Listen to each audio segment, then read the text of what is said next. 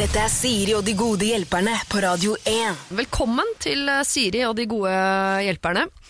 Eh, her skal jeg være hver eneste søndag framover i all overskuelig framtid. Og sammen med meg så har jeg en fast hjelper. Det er deg, Olli Wermskog. Ja, god dag, god dag. God dag, god dag. Hei, det er hyggelig, det er veldig gøy. Ja, Blir ikke det bra, det? Jo, jeg vil ha både tro og håpe det. Jeg tror 2018 blir et bra år. Ja, og 19 og 20 og alle overskuelig ja. fremtid fremover. som man 22 er jeg skeptisk til, det må jeg innrømme. Ja. Ja, men det tar vi da. La oss ikke ta problemer på uh, forskudd. Vi har to andre gode hjelpere med oss også. I dag er det Stian Staysman, god morgen. God morgen. Og Jon Brungot. God dag, eller god morgen, eller God morgen og god morgen. Der var der jeg. fikk du lyd òg. Ja, ja, ja, Ja. Da er alt på stell. God morgen. Dere jeg har lest eh, aviser denne uka. Jeg ser at eh, Ulrikke Falk og Sofie Elise de har krangla denne uka her om hva det innebærer å være et forbilde. Erna og hennes eh, Høyre de har blitt angrepet av hackere, så jeg regner med at de har hatt en rimelig kjip uke. Og William og Kate har vært på besøk i vårt lille na- land Norge. Jeg regner med at de har kost seg i hjel. Eh, hvordan har din uke vært, eh, Jon? Eh, Den har vært eh, på privat basis, nydelig. På eh, offisiell eh, sånn tabloidmessig så har den jo vært ganske balle med VG som starta med at vi hadde avlyst forestilling. Ja. Så vi hadde jo flytta tre onsdagsforestillinger til lørdag i stedet, for å doble og de selv bra. Men da skrev VG at vi hadde avlyst. Er de ute etter å ta Hvem er det de ikke liker? Er det deg eller Henriette? Eller synes de Henriette, bare det er gøy å fucke Jeg tror de ikke liker Henriette. Nei, men what's not to like med det lille meg, da? Altså, nei, jeg er for liten fjert å ta Det er bedre å ta Henriette, tror jeg. Men det sto vel noe også om, fordi de eh, håpet jo at ingen skulle lese selve saken, men Ja. at man bare skulle få med seg overskriften og tenke at fy fader, eh, Jon og Henriette, nå går det dårlig. Ja. Eh, men jeg leste hele saken, og ser inn der at det er en av dere som har hatt prolaps eller noe. ja da, jeg har hatt noe som ligner på en eh, prolaps. Vi har ikke medisinsk eh, fått bekrefta at det er en prolaps. Du har følelsen av prolaps. Men vondt i ryggen var det i oppkjøringa før jul der, så det skal sies at ja, no, noe som kribla nedover i beinet, det er det. det er det. Ja. Og spesielt på onsdager, eller? Spesielt på ons- onsdager. Nei, vi skal jo spille TV-innspilling i tillegg. Vi Ja. lager juleshow eh, som skal gå på TV2. Så da er det, det er full tettpakka uke. Så det er den kjedelige, litt mindre tabloide versjonen, da. Bortsett fra at jeg har lyst til å banke alle de som jobber i TV som skriver, nei, i VG, som skriver sånne tulleting. Ja. Åh, Den er litt deilig, den følelsen her. Nå har Man har lyst til å banke folk, man kan ikke gjøre det. Hvordan skal man få det ut? Skal vi bare begynne der? Nei, men Vi kan jo starte med sånn eh, SoMe-kampanje, går jo an. Og si boikott VG-aktig. Og så kan man jo være på radio og si sånne kule ting. Ja. Som boikott VG. slenge, slenge dritt til diverse Bokseputa? Ja. Boksepute går an. Du får med trent i tillegg. Ja. Ja, Det er bare å klare å navigere seg i det der landskapet Ja. å få det fram eh, med en sånn eh, litt sånn eh, macho-fremtoning. litt sånn eh, ose litt av vold osv. Og, så videre, og ikke bitterhet. Ikke sant? Ikke det er litt bitter. vanskelig å ikke falle over dit. Nei, bitter eh, har jeg ikke. Den egenskapen har jeg ikke. Det er så deilig. Mm. Å, det vil jeg lære. Ja, det kan du få lære. Eh, Stian, hvordan har din uke vært? Du kan velge om du vil svare som eh, privatperson Stian, eller om du tar altså Farmen Staysman. Har en på er jeg, er jeg en privatperson? Er det, det, det, ja, og det verste er det her, altså, nå gikk jeg gjennom den oppsummeringa i mitt eget hode, og det, det ble veldig sykt, men det er verst at det er helt sant. Ja. Jeg har da vært i Mexico og spilt i Paradise Hotel. Jeg har vært Oldboys-versjon, eller? ja, ja, kanskje, det får dere se. Men eh, også har jeg vært i Alta og spilt konsert, og Kautokeino og spilt konsert, og blitt storbonde på Farmen. Jeg skjønner ikke hvordan du rekker det. Du er Supermann. Er Ja, jeg skjønner, jeg skjønner ikke sjøl. Og privat så vet jeg ikke lenger, for det, den, det har blitt bare viska helt ut. Ja. Så ja. Har du vært hjemme med familien den siste uka? Eh, en dag. En dag. Ja. Ja. Og så har jeg vært hjemme, det er litt sånn kjipt, da, men jeg har vært hjemme én dag siden 8. januar. Og, Ja. Så det gir seg liksom ikke før ut i februar. Men sånn er det noen ganger, da det står på. Det er jo bra at det står på. Det er Men bra at det står på. Men eh, ja, det Kona di visste hva hun gikk inn i. Ja, det gjorde hun forholdsvis Ja, jeg er ikke helt sikker på hvis det var I 2013 så var jeg sånn der blakk eh, nisse som spilte på noen kroer her og der, og det, jeg vet ikke, kanskje hun så for meg Kanskje hun følte mer på den der moderlige rolla at hun skulle ta vare på meg eller et eller annet sånt når vi møttes, men eh, ja, det tar litt av nå. Men det er jo for så vidt på mange måter bra, og så er det jo litt kjipt at man ikke får så mye tid med familien. Men Skyper du da, eller? Bare for å holde jula i gang? Nei, Kjærlighetsjula, altså, ja, nei, altså kona mi er litt sånn syns sånt er litt masete, tror jeg. Å ja. Ja, Jeg har en sånn der eh, greie før hver gang jeg flyr, vet du. Så, så skriver jeg alltid 'elsker deg' og Lennox, eh, minstesønnen min, da. Eh, på melding på, for jeg har litt flyskrekk. I tilfelle det skal oh, ja. gå galt, så har du i hvert fall det siste meldinga jeg skrev, var det. Men det er den samme meldinga hver gang? Ja, og, så Ok. sender jeg, og da skal jeg melde det lette, og jeg må gjøre det hver gang jeg letter og mellomlander. Ja. Og så, så jeg har en sånn der eh, tekstmessing-greie hvor det er 30 meldinger, hvor det eneste hun har svart er spam, og så fortsetter det med 30 meldinger til. Det er gøy. Ja, så er jeg gift med en nordlending som ikke kanskje helt uh, syns at det er så søtt at jeg må gjøre det hver gang jeg tar av og lander med et fly. Pluss at hun uh, som smart nordlending også kanskje skjønner at det der gjør han mest for sin egen del. Aller mest for sin egen del. Det er nok det, ja. Tvangstanker. Siri og de gode hjelperne. Søndager på Radio 1. Eh, Jon Brungot er her, og Stian Staysman. Dere er mine gode hjelpere i dag, og nå skal vi hjelpe en som vil bli kalt for Frank. Han skriver Hei, jeg har fått meg en ny dame relativt kort etter et brudd. Forrige dama eh, flyttet ut, men leiligheten eh, bærer fortsatt veldig preg av henne. Eh, Det syns min nye kjæreste er plagsomt, men jeg gir jo fullstendig blanke i alle disse tingene. Det eh, gjorde jeg også når eksen kjøpte inn disse tingene, og jeg gjør det nå. Det har ingen verdi for meg. Det er så vidt jeg ser forskjell på puter og gardin. Det eneste jeg vet er at det er dyrt å skulle bytte ut alt sammen, og jeg har allerede betalt ut eksen som ikke hadde muligheten til å ta med seg så mye greier. Nå lurer jeg på, må jeg ta hensyn uh, til den nye kjæresten når det strengt talt bare plager henne? Hilsen Frank. Skal han ta hensyn her, eh, Jon? Hva syns du? Altså, eh, Frank er jo oppi et lite dilemma som veldig mange kjenner seg igjen i. Sant? Det er jo noen etterlatenskaper her. eh, jeg er jo veldig fan av eh, på en måte Noas ark-trikset. Samle det du virkelig trenger, eh, to av alt, og så rest, da lar du syndefloden bare komme, og så bli kvitt resten. Ja. Eh, så jeg er veldig fan av det. Det eneste jeg hadde med inn i mitt noe gifteforhold fra det forrige, var et maleri som jeg fikk i bursdagsgave. Det tenkte jeg sånn, det, det kan jeg ta med. Alt annet lot det gå fyken. Og som du fikk i bursdagsgave av eksen? Ja. Fordi de, det, var såpass Jeg hadde tenkt sånn, ja, det kan jeg stå for, og det syns jeg var ok. Ellers var det bare uh, rensning. Bort, Men jeg må, tilleggsspørsmål. eh, Det er et maleri av en annen kunstner, ikke hun som har malt Nei, deres kjærlighet? nei, nei, hun har kjøpt det, så jeg tenkte sånn, det var greit. Nei, da hadde det gått fyken, gitt. Ja, men det er, Nei. Er det ikke litt sånn praktisk eh, også, da? Hvis man har, eh, det er en sofa, eller hvis det er noe kjøkkenting Jeg vet ikke Ja. hvor mye kjøkkenting det er snakk om her, men hvis det er praktiske gjenstander, Mm. så er det jo Det ligger jo ikke nødvendigvis så mye kjærlighet i det, og det er det jo Men klarer du å omdefinere det? For det er det som er problemet her, at eh, en sofa, da blir man sittende sånn og tenke her har jeg sittet ganske mye med noen andre. Det er jo, det, Ja. det er jo der Frank eh, er på sliteren nå, er det ikke? Erfaringsmessig så tenker jeg at det er lurt å bare la dama di styrer hele den der pakka. Ja. Og holder fred. ja. ja, men det Ja, hvis hun kjenner på det Ja, da syns jeg hun skal få lov til å styre med det. Ja. Og så stikker du ut, og så ja, da stikker jeg på byen med gutta og drikker øl, så kan du ommøblere hele greia. Ja, men jeg tenker, at- jeg tror ikke, jeg er helt enig, for så vidt som jente må jeg si meg enig i det. La oss bare styre og holde på og legge igjen eh, kortet.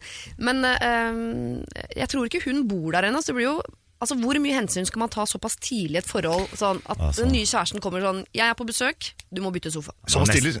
Nei, det er for tidlig. Ja, du skal ikke ta noe, ikke ta noe hensyn eh, tidlig, Nei. er min eh, harde påstand. Bare, bare la henne bli glad i deg. Og hvis hun da begynner å klage mye, så betyr hun at eventuelt er enda mer glad i deg. Nå mener jeg ikke klage på deg, men på tingene, da. For da vil hun ha deg aleine. Så kan man begynne sånn sammen og finne ut av sånn Ja, nei, denne ting, ja, nei, jeg trenger ikke det, og den tingen her. Og så, kan du, så trenger du ikke å si er det noe du er spesielt glad i. Så fins det jo, selv om ikke det er det beste rådet alltid, men man kan jo ly lyve litt og si at denne tingen ikke er Denne har Ja. denne, denne PlayStation, da, eller, Ja. eller hva det måtte være. Om det er noen sånne ting man, man Jeg blir litt freaka litt jeg hadde blitt litt freaka av å ta med en ny dame hjem, og du har nettopp møtt henne, og hun kommer hjem og begynner å ha Ja. meninger, og så kanskje tårer renner ned skinnet, men så Du har sikkert ligget med eksen din i den sofaen. Det skal jeg Stemmer. love Med deg, en jenta gang. mi. Ja, ja. Altså, ja, men, altså, er, ikke det Aldri litt, skjedd. er ikke det litt? Er ikke det litt sånn eierfeeling litt for tidlig, hvis det er veldig sånn i startfase? Ja, kan ikke hun kanskje roe det litt ned òg, da? Kanskje Ja. si til henne det, at nå må du slappe litt av. Ja. Ja. Men det er sjelden det hjelper. Altså, eh, nå får Frank masse eh, sympati her, og vi er helt enige at du skal ikke ta så mye eh, hensyn i begynnelsen, og sånn, men det er noe med at han skal liksom bevare husfreden også. Nei, Så er det det. noe han kan si for å gjøre henne trygg på det han vet? Han vet at dette har ikke noe verdi for meg, denne sofaen. Jeg tenker ikke på henne. For meg er det bare deg. Kan har- man få Ja. liksom, signalisert det? Jeg har et praktisk råd til Frank. Han eh, kan presentere den sofaen og si eh, jeg er villig til å bytte ut den sofaen her hvis det plager deg. Mm. Eh, ny sofa koster 18 000-45 000. Har du råd?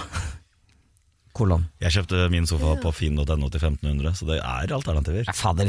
Ja, da får Frank det. Ja, men altså, Ja, hva mente, mente du som et spleiselag, liksom? Ja, da må jeg være med og du som har spleise. Hvis du har problemer, så må jeg være med og spleise. da. Ja. Er ikke det greit, da?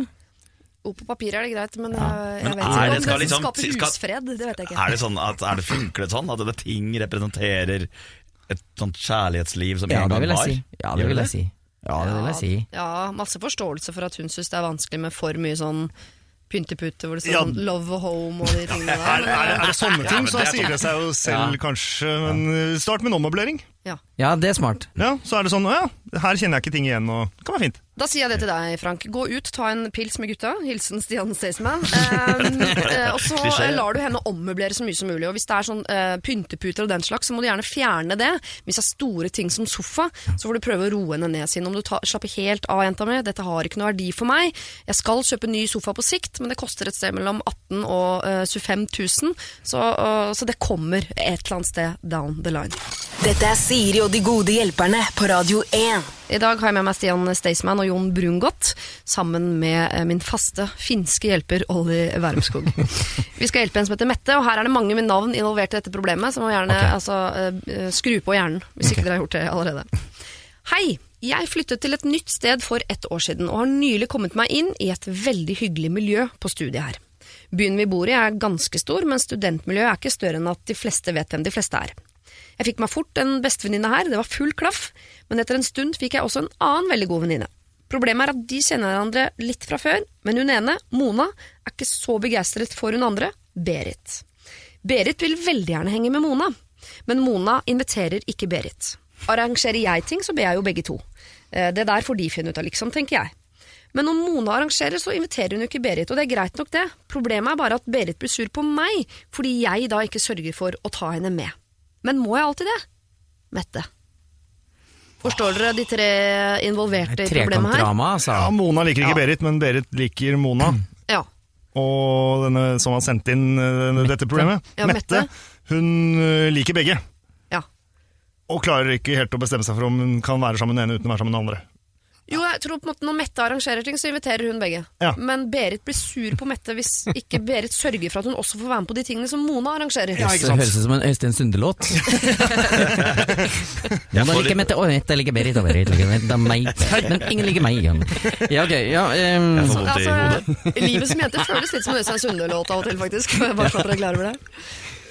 Er det en god gammeldags sit-down, da? holdt jeg på å si? Sånn uh, intervention som må, uh, som må til? Uh, eller er alle Det virker jo kanskje som at alle er klar over problemet. Hun ene blir bare Hun Berit blir bare såra.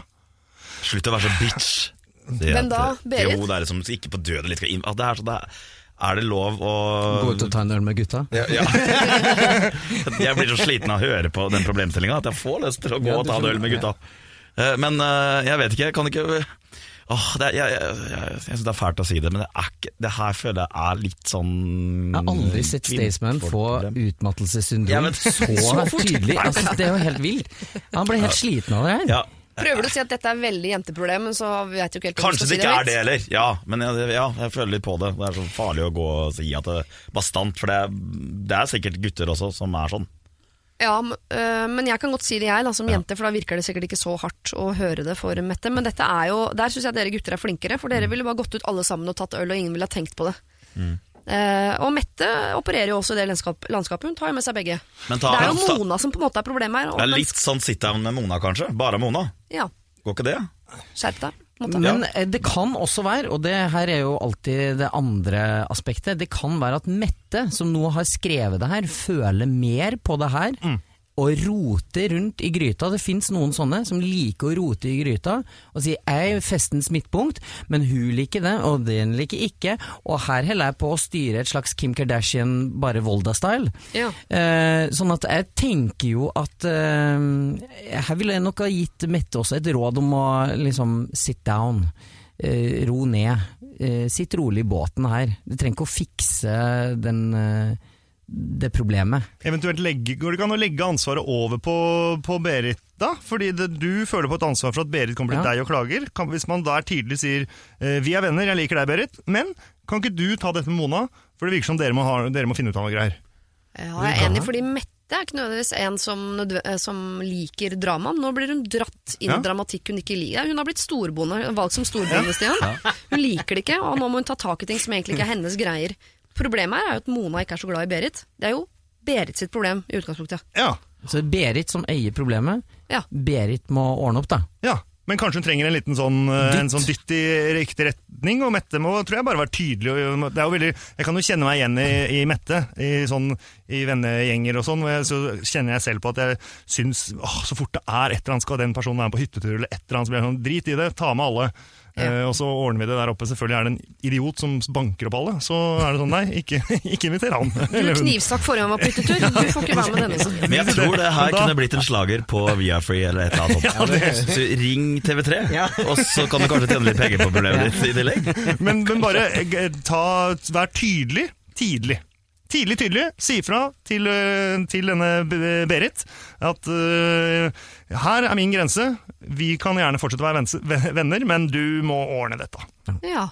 Han var rett og slett eh, Mette, du har sendt problemet til eh, oss her på Radio 1. Det setter vi veldig pris på. Men vi sender det i retur, rett og slett, fordi dette problemet må adresseres riktig. Dette er Berit sitt problem, og det er det Berit som må deale med det. Så du må si til Berit, tidlig og tydelig, eh, at dette her må du ta med Mona, på en måte. Dette er ikke mitt problem. Dette må dere ordne opp i selv. Siri og de gode hjelperne. Søndager på Radio 1. Vi er midt i Siri og de gode hjelperne her på Radio 1, hvor eh, Olli Wermskog er med, som alltid. Altså fra i dag av, i hvert fall. Ja. Eh, I tillegg så er Jon Brungot her, og eh, Stian Staysman. Tjobing. Eh, Shubing. Vi skal ta et eh, problem, hvis du har et, jeg må bare si det, så send det inn. Sirialfakrøll radio1.no. Men skal vi ta et problem som kommer inn fra to personer samtidig? Oi. Det er litt luksus, faktisk. Ja, for da får vi begge sidene, da. Ja. Hei. Vi er et kjærestepar i 20-årene som ikke bor sammen. Jeg, Sara, bor i bokollektiv, mens jeg, Pål, bor hjemme. Vi vil gjerne være sammen hele tiden, ha-ha, helst hele døgnet rundt, står det her. Utrolig søtt. Dere er søte. Men uansett hvor vi er, så blir noen irritert på oss. Hos foreldrene hans maser de på at han må gjøre ting. Ta ut oppvaskmaskinen, lufte bikkja osv. Eh, samt at de jo ødelegger stemninga litt, hvis dere skjønner hva jeg mener. Og det gjør vi. Hos gjengen min derimot så syns eh, det på dem at de syns det er pes med en ekstra gratispassasjer i bokollektivet. De sier ikke noe, men vi merker det. Og dessuten vet jeg at det er irriterende. Hun ene som bor her hadde nemlig type før, som dusja og spiste og lå på sofaen og osv., og, og han baksnakket vi ganske mye. Så jeg vet at det er irriterende. Men hvor syns dere det er mest fornuftig at vi oppholder oss, Sara og Pål? Det er jo et slags eh, De vet at de kommer til å irritere noen. Ja. Enten svigers eller bokollektivet, om vi melger mellom to onder, om dere vil. Ja. Hvor ville du oppholdt deg, Stian Sesman? Hvem vil helst plage? Ah, altså, nei, jeg, jeg vet ikke. Jeg, jeg, hadde, jeg har jo angst for svigerforeldre, sånn i utgangspunktet. Så, for jeg har liksom ikke lyst til å plage dem. Jeg hadde holdt, kanskje blitt i bok... Ja, altså, kan de ikke booke et billig motell Hele tida. hele tida? Altså. Jeg, har hatt litt sånn shady i tillegg. Nei, jeg vet ikke. Jeg syns eh, Hun vet jo sjøl at hun irriterer bokollektivet, og kan de ikke finne seg sin egen leilighet? Det er sikkert litt tidlig. da Folk eh, i tidlig 20-årene har ikke lyst til at med en gang de er forelska, så går de ikke og får seg leilighet. Da, da blir han Da blir antageligvis Pål stressa hvis Sara sier sånn Hva om vi flytter sammen, da? Ja, jeg skjønner. Jeg, jeg må jo bare si det at uh, Pål og Sara virker som et veldig søtt par. De er veldig oppslukt i hverandre. De liker å gjøre ting sammen. Det er veldig hyggelig og, og koselig. Så uh, legg merke til i det brevet og problemstillinga at det er sånn Vi må ta ut av oppvaskmaskina. Eh, vi er litt sånn Vi kan ikke ligge på sofaen. Altså, alt det er jo litt sånne irriterende trekk ved at de ikke, ikke vil ta ut av oppvaskmaskina, at de ikke vil bidra økonomisk i bokollektivet. Ja. Her er det jo muligheter for en løsning, mener jeg, i form av at man kan si vi kan henge litt mer i bokollektivet mot at uh, han byr på en trønderfår av og til, eller noe brød, eller jeg vet ikke. Ja. No, litt sånn Høres han veldig ut som Jesus, denne Pål? Sånn, Ja. Pølsebrød. bare pølsebrød, fisk. Bidra i leia. merker- ja, jeg- Jeg bidrar litt. Dele Eh, det går an. Dele leia, være med på det, det kan være hyggelig. Ja. Om ikke han, så i hvert fall eh, kanskje at Sara gjør det. da. Ja. vet sånn, nå vet jeg at jeg bruker mer av dopapir enn dere fordi vi er to. Ikke sant? Jeg har kjøpt en ekstra dorull. Ja, Ja, det går kanskje ikke an. skal mer til. Eller så er det jo da et bokollektiv. eh, Familien skal du på en måte ikke bytte ut. Bokollektiv er jo et kollektiv hvor folk flytter inn og ut. Ja. Så du kan jo, En irritasjon har aldri drept noen. Du kan jo bare irritere enda litt mer og ja, jage de ut de og vente ja. til det kommer noen andre inn som er i samme situasjon. Eh, Det er jo litt kjipt, da, men eh, du kan gjøre det. Det er utspekulert. Det Ja, er, det er sånn det. House of Cards-måten. Ja, jeg, jeg vet ikke om jeg, jeg står vel ikke 100% inne for det jeg selv sa, for jeg ville ikke gjort det sjøl. Men, Jo, men jeg hadde ikke tenkt på den eh, eh, gode måten å gjøre det på som Jon her eh, skisserer. At man kan jo bare eh, slutte å være irriterende menneske, selv om man, eh, selv om man er nyforelsket. Selvfølgelig, Det er, det er en mulighet ikke jeg har ansett. ja. Eh, For jeg har sett sånn, jeg har bare tenkt på sånn, skal man irritere svigers eller de i bokollektivet? Og da ville jeg gått for bokollektivet, for det er jo ingen som er venner med folk man har bodd i bokollektiv med uansett. Nei, Så det kan at varer aldri. Irritere de til blods. Ja. Svigers må du potensielt se i øynene hele livet. Ja. Men jeg ville stilt meg spørsmålet hvem er det verst at hører på at de har sex? ja, det er det. Og da Det er vel er det vel fort Svigermor og svigerfar. Ja, og Ja. eventuelt søsken og det som er. Mm. Ikke at det er et mål, men det vil jo skje. Og, og rolig, stille, forsiktig hører man jo best av alt. På en måte. Det, sitter jo, det er jo det mest plagsomme som fins. Da tar det lengre tid, men, eller? Nei, fordi man prøver å være stille, men det går jo ikke. Altså, det, det går jo å være stille, men man vil jo fortsatt høre noe, noe skraping og noen greier. Jeg føler at vi blir veldig godt kjent med deg. Ja, ja. Skraping? Nei da, men altså, skraping Men det sitter jo mye inne hvis du alltid skal bare være helt rolig. Ja. Gjør det ikke det, da? Trykk det på Altså, jeg har ingen kommentar til det her. er Det. Er det, det er ingen som kommer, velger å kommentere? Nei, vel, vi lar deg bare henge. Skraping. Ja, men det er, veldig, det er, det er faktisk plagsomt hvis man sitter og ligger og hører på noen som hele tida, på en måte. Hysj, hysj, og så du hører det allikevel. Ja, kan du hører bare jo. på. Ja. Ja, da har man lyst til å si fra sånn. Ja. Kan dere ikke bare skrike og bli ferdige, vær så snill? Ja. Det har man lyst til å si. Men, eh, ja. Ja, men dere, jeg syns du uh, var inne på noe veldig fint, jeg, øh, Jon. Altså, hvis dere må velge mellom å være irriterende overfor svigerforeldre eller irriterende overfor bokollektivet, så går vi for bokollektivet. Mm. Da må dere irritere de. Men kanskje dere skal se på en alternativ løsning her, Sara Pål. Kanskje dere skal rett og slett ikke være irriterende. Kanskje dere ikke alltid skal okkupere sofaen. Kanskje skal kjøpe inn litt ekstra mat, litt ekstra dopapir osv. Så videre, sånn at de i bokollektivet tenker sånn Sara Pål, herregud, noen hyggelige folk, egentlig. Uh... Ja, de er veldig søte. Hva med en skål med smågodt? Det hjelper alltid. Noe sånt. Det, alle syns det er koselig med en Paul i, i bokollektivet, så jeg syns dere skal bare gå for det. Vær hyggelig, ikke irriterende, eh, og bjuda på litt.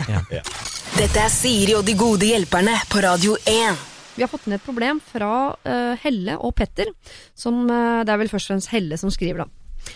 Hei, jeg har en utfordring foran meg som jeg håper dere kan hjelpe meg å løse. Etter å ha sett på YouTube-serien Hot Ones har jeg blitt helt hekta på sterke kyllingvinger, men sliter litt med å finne en skikkelig sterk saus jeg kan bruke. Og så sier hun da eh, det er to sauser hun har eh, prøvd, jeg skal prøve å uttale det så godt jeg kan. Cholula og shiraka. Smaker nå ketsjup, så, eh, så jeg har hatt meg en runde på byen for noen dager siden eh, for å prøve å finne sterkere typer. Altså jeg trenger noe jeg kan svette på nesa også, av, og, og, og må drikke vann etterpå. Jeg vil ha en saus som er så sterk at jeg begynner å se svart og må legge hodet mitt ned i en bøtte med iskald helmelk etterpå. Altså hun er på jakt etter en ordentlig sterk saus. Håper at du, Siri, har noen tips til hva jeg kan gjøre. Eh, hilsen da Helle og kjæresten Petter, som har, lider av det samme. Jeg tenkte å spørre dere, eh, Stian og og Jon, hva deres forhold til sterk mat er. Jeg er glad i sterk mat, jeg. Ja. Gulasjsuppa til mora mi er helt sinnssykt sterk. Gulrotsuppa til mutter'n. gulasj. Gulasjsuppa til er helt mutter'n. sinnssykt god. Ja, og veldig sterk. Ja, veldig sterk. Men er du sånn som bestiller sånn vindaloo når det er indisk og sånn? Nei. Det har jeg ikke hørt om engang, så, Nei, så, så, da, da vet jeg ikke hva ja. Jeg er livredd for eh, sterk mat. Eh, Jeg synes jo det er godt Altså, jeg kan godt spise noe som er sterkt, men jeg er jo livredd for når det skal ut igjen. Det er der eh, Det er det som stopper meg. Så jo mildere, jo bedre er det for min del, altså. Ja, for du syns det er godt når det er sterkt inn, men ikke sterkt ut? Ja, Skjønner. sterkt ut, uh, føler det, og da får man veldig den dagen derpå-følelse. Men det føles jo som det her nydelige paret driver med en slags ekstremsport innen sterk mat. Ja, for Altså er det Chili Claus-aktig Hva er det kicket? Så langt i dag så har jeg kjent meg igjen i veldig mange av de som har delt problemene sine med oss, men det er behovet for å stikke hodet ned i en bøtte med helmelk, det må jeg innrømme at det, det har jeg ikke kjent på før. Må jeg spørre deg også, da, Olli, hvordan ditt forhold til sterk mat er? Nei, jeg har, jeg har jo reist en måned i Vietnam. øh, kjøpte en motorsykkel, kjørte fra sør til nord øh, og spiste lokal sterk mat rundt omkring. Så- Spennende type. Takk skal du ha. Mye annet spennende også. Eh, Men da Men da, da ble jeg forholdsvis vant til sterk mat. Men det er to år siden, og jeg har på en måte ikke dypdykka like hardt i det siden. Um, så jeg er glad i det, men eh, jeg er ikke, jeg er ikke rutt. Så du er ikke rutinert på det? Nei. Nei. Lenger. Nå har vi jo snakket sammen en uh, god tid i dag, og det er mye som kan løses ved snakk, men innimellom tenker jeg at her må uh, vi altså gå litt hardere til verks. Her må vi praktisk gå ut og hjelpe folk. Så jeg har øh, tatt kontakt med en som heter Marius Martinsen, som er kokk ved Kulinarisk akademi her i Oslo. Ja. Han har skaffet oss den sterkeste sausen på markedet. Den sausen har vi satt i en taxi og sendt hjem til, eh, til Helle, og vi har også fått et eksemplar her i studio. Er det sant? Um, så gøy! Så Helle, du er med oss, er du ikke det? Ja, er jeg. Er eh, Petter der òg, eller? Ja, Petter er her, men Petter er ikke kjæresten min. Hvem er Petter, da? Petter eh, kollega. Da han, han eh, har et kamera på meg nå, som han tror jeg gleder seg veldig til at jeg skal spise den sausen. Altså, Han delte ikke dette behovet for å stikke hodet ned i en bøtte med helmelk. Jeg tror ikke at han helt gjør det. Nei. Det er først og fremst du som har dette behovet. Ja, jeg er veldig glad i sterk saus. Oi. Men nå har du jo da fått en saus på døra. Mhm. Eh, Du har ikke tyvsmakt på den, eller? Nei, jeg har ikke det. Jeg har akkurat tatt av den plastikken som er rundt, eh, rundt eh, hva heter det, lokket, skrulokket. Mm. Og så står det, jeg vet ikke om du har sett på sausen, men det står XX extra hot sauce. Mm. Er det sant? Det her er med habanero. Ja. Så det her tror jeg skal være ganske greit. Det skal uh, smelle ganske greit. Dette her, Jeg har jo den samme, jeg har også tatt av plastikken på denne flaska. Jeg har den i studio. Jeg skal spørre nå om eh, Olli, eh, Stian og Jon, om det er noen av dere som er villige til Fordi i, i liksom hjelpeånd Ja. så er det jo deilig uh, hvis Helle her slipper å være alene om å bli utsatt for denne habanero-sausen. ja. Er det noen som er villig til å, å bli med ned i dragsuget? Jeg gjør det ikke. Men jeg, jeg, jeg kan godt gjøre det i ly av I forskningsøyemed. Ja, Stian er med. ja, jeg slenger meg på. Jeg, jeg, skal, jeg skal ikke på scenen før klokka sju, så det går fint. Rekker å både drite og gjøre alt. Ja, det gjør det. Ja, da. Ja. Ja, da, da må jeg, da må jeg grusomt. Ja. Olli er med. Ok, Da heller jeg litt saus her på en sånn, så kan dere få dyppe fingrene dine i det der. Fingeren? Finger, ja, eller hvis du vil sleike leppe de der rett fra Jeg hadde vært bedre på shotting, tror jeg. Hvis det Å, fytti rakkeren, det er sånn Hell- brun herregud. Helle, vil du prøve? Ja, du tar en hel skje, ja. Da vil jeg at det er en teskje. En teskje. Sikkert lurt. Da vil jeg at alle smaker på hver sin saus. Teller du ned, Siri? Ja, uh, tre, to, én, smak. Radiostillhet, radiostillhet um, Å, fytti rakkeren, smaken var ikke så Det kommer etterpå! Det kommer etterpå! Ja, Det kommer etterpå, ja. Å, fader! Å, fy fader! Det her liker ikke jeg, nei. Nei, dette, det er ingen her som liker det heller. Åssen er det hjemme hos dere? A glass Å, fy flate, det kjennes som en Blir litt svett på nesa, men det var ikke Svett på nesa, men det Svett på nesa Men altså, unnskyld meg, har, har du spist en hel teskje? Uh, Ja, nei, halv teskje, kanskje. En halv teskje, ja. Er behovet for å stikke huet ned i en bøtte med helmelk? Har vi fått vekket det? Uh, nei, det hadde vært godt med et glass melk nå, men Ja. eh, kanskje Altså, det verste er når den begynner å treffe på leppene. Ja. Å, Når det begynner å si på leppene, Er vi da er eller? man litt lost. Ja, nå, og det er litt tårer i øynene nå, faktisk. Tårer i øynene og, og svetting på leppa. Ja. Ja. Da, da føler jeg ja, at Jeg klarte Og det nesa overraskende bra. Å, nesa, ja. Da føler jeg at vi har hjulpet deg. Var det litt deilig å ha med seg de gode hjelperne i ryggen? helt fantastisk. Jeg gjorde ikke det her alene, da. Nei, du gjorde ikke det. Du hadde med deg tre staute karer. Nå har vi noe felles. Ja. Den, den vokser på en. Ja, jeg den vokser mer og mer. Ja. ja. Men det som, det som er med sånn hotdog, er at det har en sånn derre eh, Den blir bare bedre etter at det virkelig treffer. Det blir bare bedre. Så nå er det liksom helt i orden. Nå er det i orden igjen, ja. Jeg kunne gjerne hatt noe litt sterkere, men en er ganske bra, altså. Skal se om vi kan finne noe sterkere. Da eh, fortsetter vi jakten på, på en saus som er enda sterkere enn denne XX ekstra hotte sausen, eh, chili habanero-sausen, altså. Siri og de gode hjelperne. Søndager på Radio 1. Ok, eh, dere, vi skal ta et uh, nytt problem her som kommer fra uh, Stine, som har hoppet av studiet sitt. Hun har hoppet av religionshistorie, hvis det har noe å si. Jeg vil bli veterinær! Eh, er visst en fordel, ja kanskje et krav til og med, at man har erfaring fra gård når man vil bli veterinær. Det har ikke jeg. Med mindre endeløse timer med Farmen på TV2 gjelder. jeg er fan av deg antagelig, Stian. Uansett, det blir jo ikke med det første, så nå må jeg finne på noe. Jeg er hun irriterende som tok studielån, men har satt alt på sparekonto. Uh, uh, og uventet arv har også dumpet ned i mitt fang. Så uh, jeg lurer på, skal jeg være fornuftig nå, spare enda mer penger og jobbe osv.? Jeg skal bare reise av det gøy og oppleve verden? Eller skal jeg sørge for å få meg denne gårdserfaringen, flytte på gård, eller, eller melde meg på Farmen, da, Stine. Forstår dere? Hun høres jo litt ut som en jente som Nå vil jeg bli veterinær, nå vil jeg bli religionsforsker, eller nå, ikke sant? Men nå er det veterinær som gjelder. Ja. Men hun har masse tid, for hun får jo ikke begynt der før ja, tidligst eh, sommeren 2018, altså høsten 2018. Ja. Hvis ikke det der samordna Nå går jeg inn i det teknikaliteter her. Ja, ja, men ja, ja, ja. eh, samordna opptak er mars Jo, hun kan søke nå og komme inn fra 2018. Men for å, Men god tid, da. Den starten hennes, at Ja. hun går over fra religionshistorie til eh, veterinær, det er jo et ganske stort hopp. Det er jo ikke som å gå fra eh, jeg vil bli bilmekaniker til å begynne på BI, liksom. Det er, det er også et stort hopp, men det er innafor eh, ikke nødvendigvis eh, Sambokstav. Ja, først sammenstand. Sambokstav, det det. Allitterært er det veldig Ja, Det var det jeg tenkte, ja. Jeg vil ikke. Nei, da er det, går du fra noe som du er mye tenker på, føler på noe eksistensielt, til noe veldig sånn konkret. Du vil jobbe med dyr og Ja. ned til røttene, kanskje. Mm. Så det virker som hun er eh, et skille, veiskille, da, kanskje, i, i, i livet. Og når hun har fått ting dumpa i fanget og sånn forskjellig, eh, og vært heldig og flink, så jeg ville bare kom, Dra, reis, opplev. fordi å få seg gård vi jeg uten å ha gård, vil jeg tro er litt som å få eh, en kone eller en mann, da, eller alt ettersom. Eh, Du blir hakket mer støkk. Da har du dyr du skal ta ansvar for, alt mulig. Det blir Ja. vanskeligere å reise om åtte år. Det jeg skrive mer under på. Ja. At det dyra, Ja. det er så sykt mye jobb med dyr. Jeg var helt sjokkert når jeg kom inn på Farmen. At det, det var jo liksom Før man skulle begynne med ukesoppdraget, da, så, så var det et par timer bare med å mate dyr. At Du måtte snakke med den kua og sørge for at grisen hadde det fint. Og det, det, så det er mye mer jobb enn du kanskje vil tro. Og så gidder du ikke å filme det engang, så er det jo helt så- altså sånn eh, Ja, men Litt du får- waste du- på en måte, selv ja, men du kan ikke la grisen dø, Nei, selv om du ikke filmer det. Hvordan reagerer, mat, da. hvordan reagerer kuer på snakk? Helt annet spørsmål. bare Nei, du må snakke pent rolig da med dyra. Ja. Har jeg lært meg. Og så, skjønner de, så ser de veldig, veldig godt hvis du er stressa. Men uh, jeg som er enig med vår finske faste hjelper Det høres ut som en låttittel.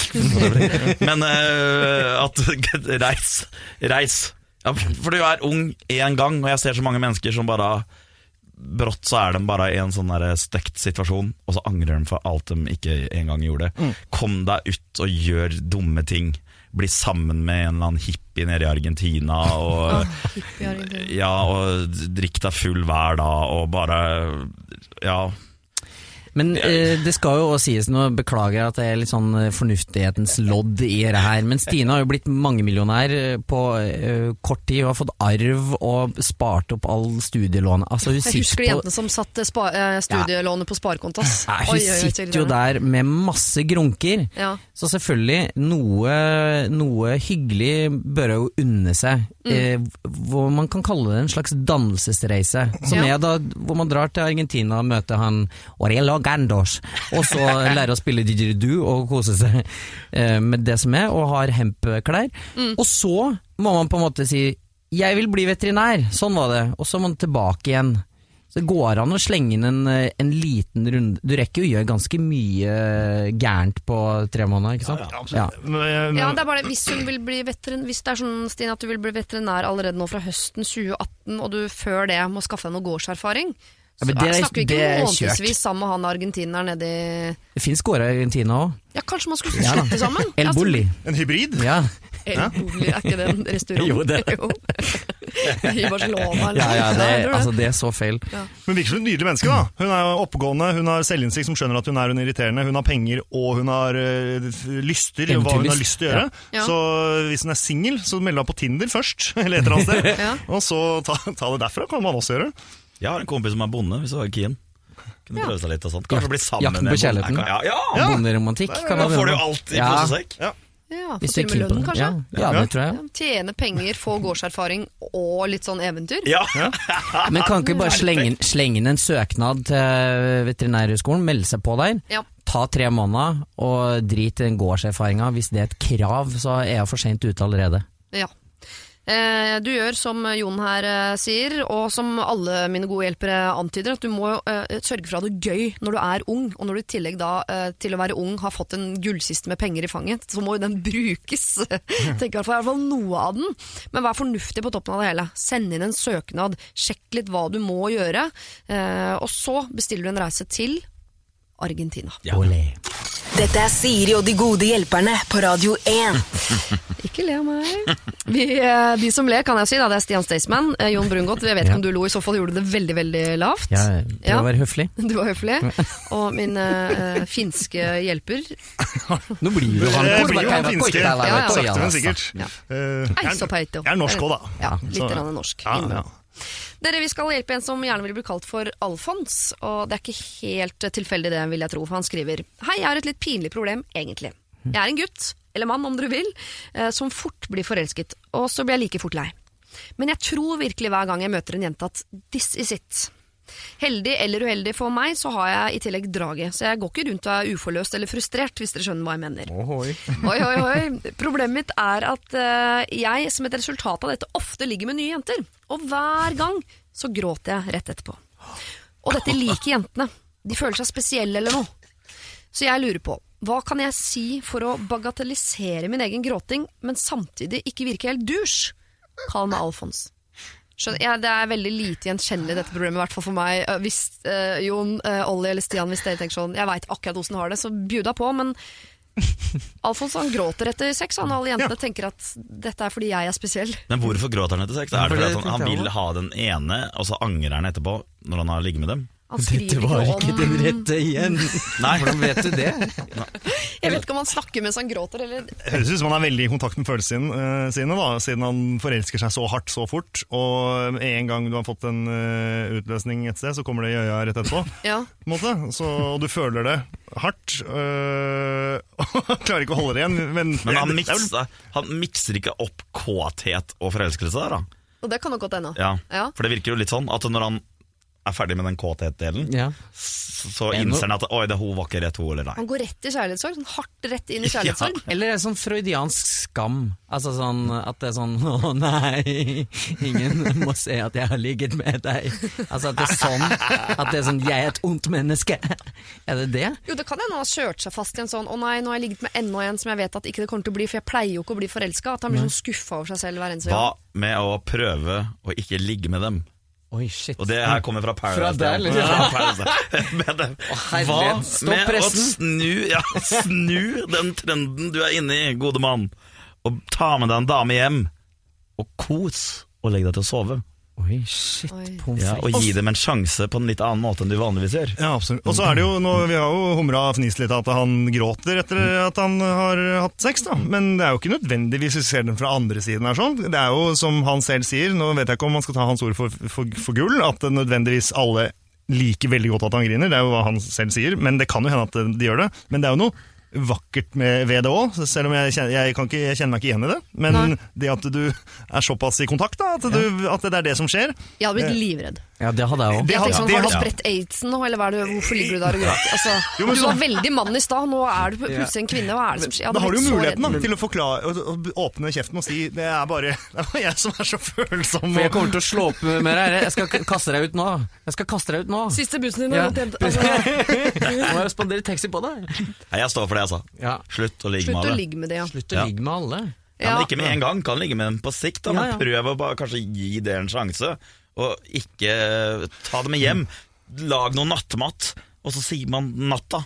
Og så føler man litt på det istedenfor. og hvis du er redd for grininga, begynn forsiktig. Begynn å grine etter, ta, ta med på andre ting du Ja. vet du griner av. Ja, sånn, er det- En fin båttur, så griner du litt, så blir hun varma opp på at du, griner, Ja. du er en griner. Men er, den, Ja. er det det som er problemet, at han griner? Nei. Problemet er vel at han er redd for at han gir de enda mer eh, forhåpninger. Ved at han gråter, så ligger hun og tenker sånn Herregud, det var så bra at han begynte å gråte. Vi kommer lite til å gifte oss. Tenker hun. Og så vil han si fra sånn at jeg griner, har ikke noe med det å gjøre. Jeg griner med alle jeg ligger Altså, jeg griner hver gang jeg ligger med folk. Jeg. Han vil egentlig si det, tror jeg. Okay. Men uten å virke helt dusj, som han Men er det, er, det en, er det en sykdom? Det lurer jeg på. Er det en sånn pinlig sykdommer eh, at hver gang jeg kommer, så gråter jeg? Eh, Er det en, er det en sykdom? Jeg vet ikke. Sykdom? Det er jo ikke så hardt, er det det? Nei, jeg vet ikke. Dette. Jeg vet ikke. Jeg vet ikke. Er det Jeg føler du jo litt- at han kan få medisiner, så han slipper unna problemet rent medisinsk? Jeg bare unngå utløsning, da, eventuelt. Hvis det Ja. er det som gjør at han begynner å grine. Men, ja, kanskje, han- men han kanskje også han forteller seg selv, som du var inne på i stad, at han forteller seg selv at han kanskje heller ikke Han vil ikke holde på sånn og bare ligge rundt hele forbanna tida. Og så går han i kakeboksen igjen, og så blir han skuffa over seg sjøl. Ja. Det er derfor jeg mener at det kanskje bare dropper Ja, å ligge med noen en liten periode. Ja, jeg er enig med det. Og I Altså. tillegg så har han vrangforestillinger eventuelt da, med, vrange, med at de elsker det, at han griner. Ja. For det, det, det Ja, stemmer det nok ikke. Nei. I ni av ti tilfeller så tror jeg ikke det nødvendigvis stemmer. Det er ikke sikkert at alle friker ut, men det kan hende at noen er sånn hm, det var rart. Og så kanskje den ene da, som tenker sånn det var vakkert. ja. Du er mannen i mitt liv. Kjære Alfons, øh, jeg syns på en måte synd på deg. Altså, Det er egentlig bra at ikke du er her, for du, gråter tydeligvis mye. og Det tror jeg har blitt utrolig følelsesladet for oss alle. Men øh, vi har redefinert øh, problemet ditt litt. Vi tror ikke problemet er det du beskriver at problemet er. Vi tror problemet er at du blir skuffet hver eneste gang over at heller ikke dette var den rette. Og det kan det hende at det var, det er bare at du lar følelsene dine stå i veien for å i det hele tatt finne ut av det. Så nå skal du gå inn i en slags øvelse som er sponset av Paradise. Nå går jeg tilbake til Paradise. Det. Ja, Staysman. ja, ja. Eh, prøv å ikke gå i kakeboksen hver gang. Prøv å ikke ligge med dem Se om du kan finne på noe annet som får deg til å gråte. Sett på Gladiatorfilmen, for eksempel. Den er det mange som gråter av. Love Actually. Love Actually er det mange som gråter av. Se om du kan finne på noe annet enn å ligge med alle disse jentene. Og på den måten du, så kan du kanskje på sikt slutte å gråte hver gang du ligger med folk. Siri og de gode hjelperne. Søndager på Radio 1. Nå skal eh, Stian Staysman, Jon Brungot, eh, jeg og Olli Wermskog hjelpe en jente som heter Katja. Katja skal nemlig gifte seg med en som heter August. Eh, kanskje i august. Det har jeg glemt å spørre om. Eh, og de gleder seg veldig. Noe av problemet er nok at eh, det er noen forventninger fra familien om en del sånn tradisjoner som både Katja og August syns er litt sånn eh, kleint. Men de føler allikevel et press fra familien på at dette burde vi kanskje gjøre for deres eh, skyld. Jeg ringte opp eh, Katja. Hallo, Katja. Hallo, hallo. Hallo, hallo. Gratulerer, du skal gifte deg. Mm, Takk, det er veldig koselig. Er det i august, eller? Nei, det er i juni. Det er i juni, ja. Men med august. Men med august. Å, nydelig. Nydelig. Er han der, forresten? Mm. Nei, han er på jobb. Det kan hende han kommer eh, mens vi prater sammen, men det får han bare tåle. Det får han tåle. Fordi han er klar over dette problemet. Det er et problem dere er enige om at dere har. Ja, det er et problem vi er enige om at vi har, men det er nok han har det på en måte verre med det enn jeg. Jeg står sånn litt midt imellom. Ja. Um, fordi Hva- det som ja, Hva syns han er verst, på en måte? Er det, er det solen, eller er det det å gå ned Eller altså, hva er det han liksom gruer seg til? Nei, Jeg tror han gruer seg. Han er ikke typen som liker å være midtpunkt i noe som helst, egentlig. Han er mer en sånn observatøren på fest. Så det, det å gifte seg, det er jo Der er man jo, uansett om man vil eller ikke, veldig midtpunkt. Mm. Og, så det, han vil jo egentlig unngå alle situasjoner som eh, er sånn tradisjonelle sånn kutymer og normer for bryllup. Annet det å eh, at han skal stå ved det som blir liksom alteret. At jeg skal komme gående ned den biten der. Ja. Den vil han bare sløyfe, og at vi heller, når gjestene kommer, at jeg står der i brudekjolen og han i dressen, og at vi ønsker folk velkommen og kjører det helt sånn casual. Vi sa ja i stad, vi. ja. At vi liksom tar det med sånn 'velkommen til oss, nå skal vi gifte oss, bli med ned her'. Ja. At vi tar den. Um, Og skjæring av Men kake vil jeg anta at det er et problem, sånn at dere skal holde rundt hverandre, skjære kakestykker sammen, Ja, mate sånn- hverandre og sånn. Kline kake i ansiktet på hverandre og sånn, den er helt uaktuell eh, Mm. for han. Um, Og du da, syns du det er helt greit, eller? eh, Eller syns du det er litt kleint, du òg? Jeg syns det er litt kleint, jeg òg. Men, men jeg har eh, Altså, jeg har på en måte forhørt meg litt sånn rundt med folk, og noen er sånn eh, Ja, men dere, det er kleint, men dere burde gjøre det, fordi da husker dere dagen mye bedre. At det blir sånn minneverdig, at det ikke bare blir en vanlig fest. Ja. Um, så for meg er det litt sånn uh, Den kakeklininga, den er jeg enig i at den er kjempeklein. Um, men å, å, å stå og ta imot gjestene tror jeg også jeg kommer, altså, jeg vet ikke, Det blir jo litt kleint uansett hvordan man gjør det. Men Så du Så føler deg litt sånn fanget mellom August og din familie, som jeg skjønner har noen forventninger til at ting skal gjøres litt sånn som vi gjorde før? Ja, fordi jeg har for eksempel så har jeg jo en far hvis største drøm i livet er å følge datteren sin ned til brudgommen og liksom gi meg vekk. Ja. Sånn at, eh, Hans største drøm er å gi deg vekk. Det er jo hyggelig, da.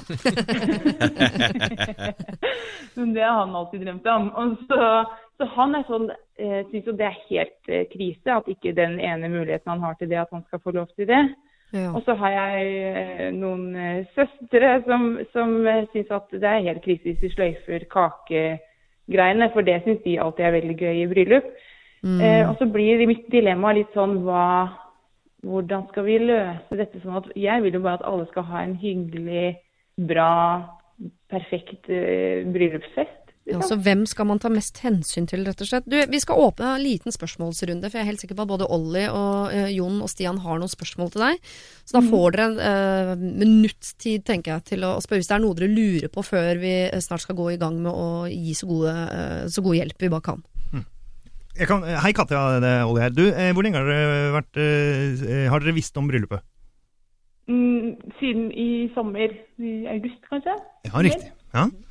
Um, Ja, hvordan eh, Nå er det Stian her, forresten. Eh, er det en sånn tradisjonerik familie? Har alt dere har gjort tidligere på en måte vært en del av sånne gamle tradisjoner? Nei, det er det som er litt overraskende for meg. fordi vi er egentlig ikke det. Men plutselig når det er bryllup som er overskriften, da er det snakk om, om tradisjon og kutyme hver gang vi møtes, på en måte. Eh, Jeg har et spørsmål, eh, Katja Jon her. Eh, hvor gammel er dere? Jeg er 29, og han er 30. Ikke sant. Ok, Og hvor- selvstendige mennesker. og hvor mange er det som kommer i bryllupet? 75 ca. 75, ja. Ok, ja ja, ok. Ja, ok. Greit. Bra. Så her skal det tas eh, hensyn til noen søsken, en familie og 75 øvrige gjester i et bryllup som altså skal eh, foregå nå i juni. Eh, Jon, eh, Stian og Olive, hva, hvordan skal vi, hvem skal vi ta hensyn her, til her, tenker dere? Her har jeg sterke meninger. Jeg har jo da gifta meg, og jeg mener en del av det å gifte seg er å ha det ubehagelig på den der eh, dagen. Altså i hvert fall som mann. Altså det er sånn, Du ser ut, og du ser alle gutta dine sitte der. Ha-ha-ha! Nå er livet hans over litt den feelinga. Nå er singellivet slutt. Og det var liksom alt med den bryllupsdagen altså, skal være litt kleint. For altså, Hvis alt skal bare være behagelig her i livet, da, i hvert fall sånne store hendelser som det her, så føler jeg at da husker man det ikke så bra. Hvis det skal være som en vanlig kveld med gutta, så syns jeg, ja, da syns jeg at øh, Jeg vet ikke, jeg syns ikke det er så fint. Så heller, jeg, jeg tenker til august, må man up. Og bare, det er en del av det å gifte seg med den mennesket du skal dele resten av livet ditt med. Ja, det er kleint, men det er det som gjør at du kommer til å huske dagen resten av livet. Jeg er gift sjøl, og jeg er akkurat som August. Jeg hater den oppmerksomheten. Jeg grua meg veldig til den dagen, men jeg fikk gode råd, så li, på lik linje som det Stian gir nå. Man up, skjerp deg. Eh, Du skal stå der, og alle skal le av det. Og jeg grein som en unge, det var det jeg var mest redd for. Jeg grein fra hun kom ned kirkegulvet, og til vi sa ha det til alle gjestene, så jeg grein nesten kontinuerlig, for jeg var så rørt over eh, at alle hadde lyst til å feire meg den dagen. Og samme hvor kleint det blir lagt opp til, så er det å feire kjærligheten. Og man må aldri miste det fokuset. Det er en forsegling av de to, og det skal være kleint. Og så er det jækla digg på slutten av kvelden på hotellrommet når du feirer kvelden. Jeg, jeg, jeg må si jeg føler meg eh, truffet av alt dere sier, for jeg er jo i et forhold på ti år, ikke gift. Eh, jeg er jo august på mange måter, vil jeg eh, si. Jeg, synes, jeg, er heller ikke noe glad i den oppmerksomheten som deg, Jon. eh, og det, er, det er liksom alle elementer ved et bryllup syns jeg er ubehagelig hvis jeg er i sentrum. Jeg syns det å gå opp, det å holde en, en tale som skal være sånn ekte foran alle andre eh, Det å være Jeg er ikke noe glad i å være Jeg har ikke noe problem med å liksom snakke og være på radio og, så, og sånne ting, men det å være et midtpunkt for midtpunkten som kom og se, se på meg! Se hvor øh, føler jeg at det er, selv om jeg er enig at det er kjærligheten. Eh, men hvis det er Det høres ut som at begge to har dette problemet. Eh, så det er jo dere som skal feire dagen, så eh, jeg skjønner jo at man vil ta det ned, men går det an å liksom mikse det litt? At man kan ha noen elementer som er liksom litt mer low-key, og så får du heller svelge den der eh, gå opp, eh, gå opp kirkegulvet? Ja, jeg tenker det. Kakegreiene kan finne noen kompromisser her, da. Ja, det tenker jeg også. La han og faren hennes få den gleden det er å gå ned kirkegulvet med dattera si. Ja, det er helt enig. Ja, men så kanskje droppe det der kakeklininga. Ja, det vil jeg droppe. Ja, Fokus også eh, når eh, Katja følges ned kirkegulvet av sin far. Den gleden syns jeg faren skal få. Ja. Ja. Ehm, da er jo fokus på Katja og faren. Det er vel ingen som står og ser på August som tvinner tommeltotter øverst ved presten der. Det, jo, eh, det skal han være helt trygg på. Det er ingen som bryr seg om. Eh, Så han får jo det han vil. Han står jo der fra start, helt foran. Ja. Og står bare og venter på at hun skal ta den litt kleine gangen ned det gulvet mens alle er sånn gråter og hele den pakken. Det er jo hennes kleinhet. Ja. Så den er jeg enig den må de ta, men det, er kakesp- det er jo de som skal gifte seg. Jeg er litt kompromissløs på sånt. Hvis familien er sånn, vi vil ha det sånn, ja vel, gå i et annet bryllup, ville jeg ha sagt. Ja, skal du eie situasjonen? Ja. Litt grann. Så hvis du, sånn som når du begynner sånn tromming i gulvet og under og over og kline og sånn, som alltid er litt sånn blanding av sånn Vi har gjort det én gang, nå kan vi stoppe, sy- syns nå jeg. Mm. Men eh, gjør noe annet. Angrip tilbake med noen paintballer eller et eller annet. Kanskje ikke paintball, men, eh, men gjør, gjør noe. Snu situasjonen. Si at det er forbudt, eller eh, så fort det skjer, da må alle være med på det, eller noe. Så at det blir deres eget, liksom det dere har lyst til. Og her mener jeg jo Katja og August kan være ganske sånn offensiv. De kan få toastmasteren, som da har fått det ærefulle oppdraget, til å styre kvelden ganske sånn uh, nådeløst og fint, etter deres ønske. Og her er det bare vær ute i god tid, send ut en mail i forkant. Hvem skal holde tale, hvem skal ikke holde tale? Eh, hvor lenge? faktisk ja, det men det er veldig viktig. Og da klarer man å kvele kanskje det aller verste av det der kleine greia. Det høres ut som her at, uh, at noe kleint skal det være, og jeg er helt enig i at livet skal ikke være så veldig vanskelig, men det skal fra tid til annen være ganske ubehagelig, hvis ikke så går det ikke. Katja, mm. hva tenker du her? Går vi jo for en Det er jo ikke helt overraskende, vi går jo for en klassisk litt sånn uh, kompromissløsning her, men uh, vi syns at du skal følges ned i kirkegulvet av din far. Såpass glad Ja. er vi i faren din, uten at vi engang vet hva han heter, vi bare så liker rollen som far. Men den Ja. kakespisinga, sånn klirre på glasset og opp og ned under bordet og kysse og sånn, det kan dere godt bare eh, outsource til eh, toastmaster og si ganske hardt ifra at det driver vi ikke med. Ja, men syns du det er eh, ja, Jeg, jeg syns det er en god løsning. Altså det For det verste, altså det kirkegulvet, det er som du sier, det er jo ikke hans Da er det jo jeg som må ta den støyten, da, på en Ja. måte, og gå nedover der. Um, så en god løsning. Også at vi slipper det kakekvinegreiene, det, tror jeg Jeg kan, jeg kan trygge deg, Katja, med at når, når, du, eh, når døren åpnes og du kommer gående nedover der sammen med faren din, så sitter ikke han og tenker 'shit, det her er kleint'. Da tenker han 'der kommer hun som jeg elsker over alt på jord'. Fy flate, så vakker du er. Åh, det, Jeg får kan love deg. det får bli siste ord, Jon, for det er noe av det vakreste jeg har hørt uh, på lenge. Dette er Siri og de gode hjelperne på Radio 1. Nå er det sånn i dette radioprogrammet at alle som har på en måte eh, bydd på sine egne problemer og vært mottagelig for hjelp, de får et eh, handlenett, eller sånn bærenett, med motiverende sitater på. Ja. Så det kommer vi til å sende ut. Og i dag så vil jo da si at vi skal sende et til eh, Frank. Husker dere Frank som fortsatt hadde interiør i huset etter ekskjæresten, som den nye dama nå vil at han skal kvitte seg med, og det må han jo, ifølge de gode hjelperne. Eh, Mette skal få et. Hun syntes det var vanskelig at Mona og Berit ikke likte hverandre, og lurte på om hun alltid måtte på en måte forsone de. Det trenger du ikke. Vi sendte vel det problemet i retur, og ba deg adressere det til Berit. Sara og uh, Pål, som er nyforelska og lurer på om de skal plage svigers eller bokollektivet. Eh, Slutt å plage, var vel egentlig i bunn og grunn det vi ba dem om. Men hvis dere må plage noen, så plag for all del bokollektivet. Eh, vi har eh, jo truffet eh, Helle eh, på telefonen, som fikk en gave av oss. Hun fikk nemlig en veldig veldig sterk saus av oss i gave. Nå får du også et handlenett som du kan ha den sausen oppi, hvis du skal ha den med deg rundt av en eller annen merkelig grad. I grunn. Stine, som jo nå har bedt om å, å bli veterinær, men ta seg en pust i bakken først i Argentina, få seg type med didgeridoo og i det hele tatt. Med på veien får hun et handlenett. Eh, og så har vi jo da Alfons, som gråter hver gang han har ligget. Han må ta en pause fra ligginga, begynne å kose mer.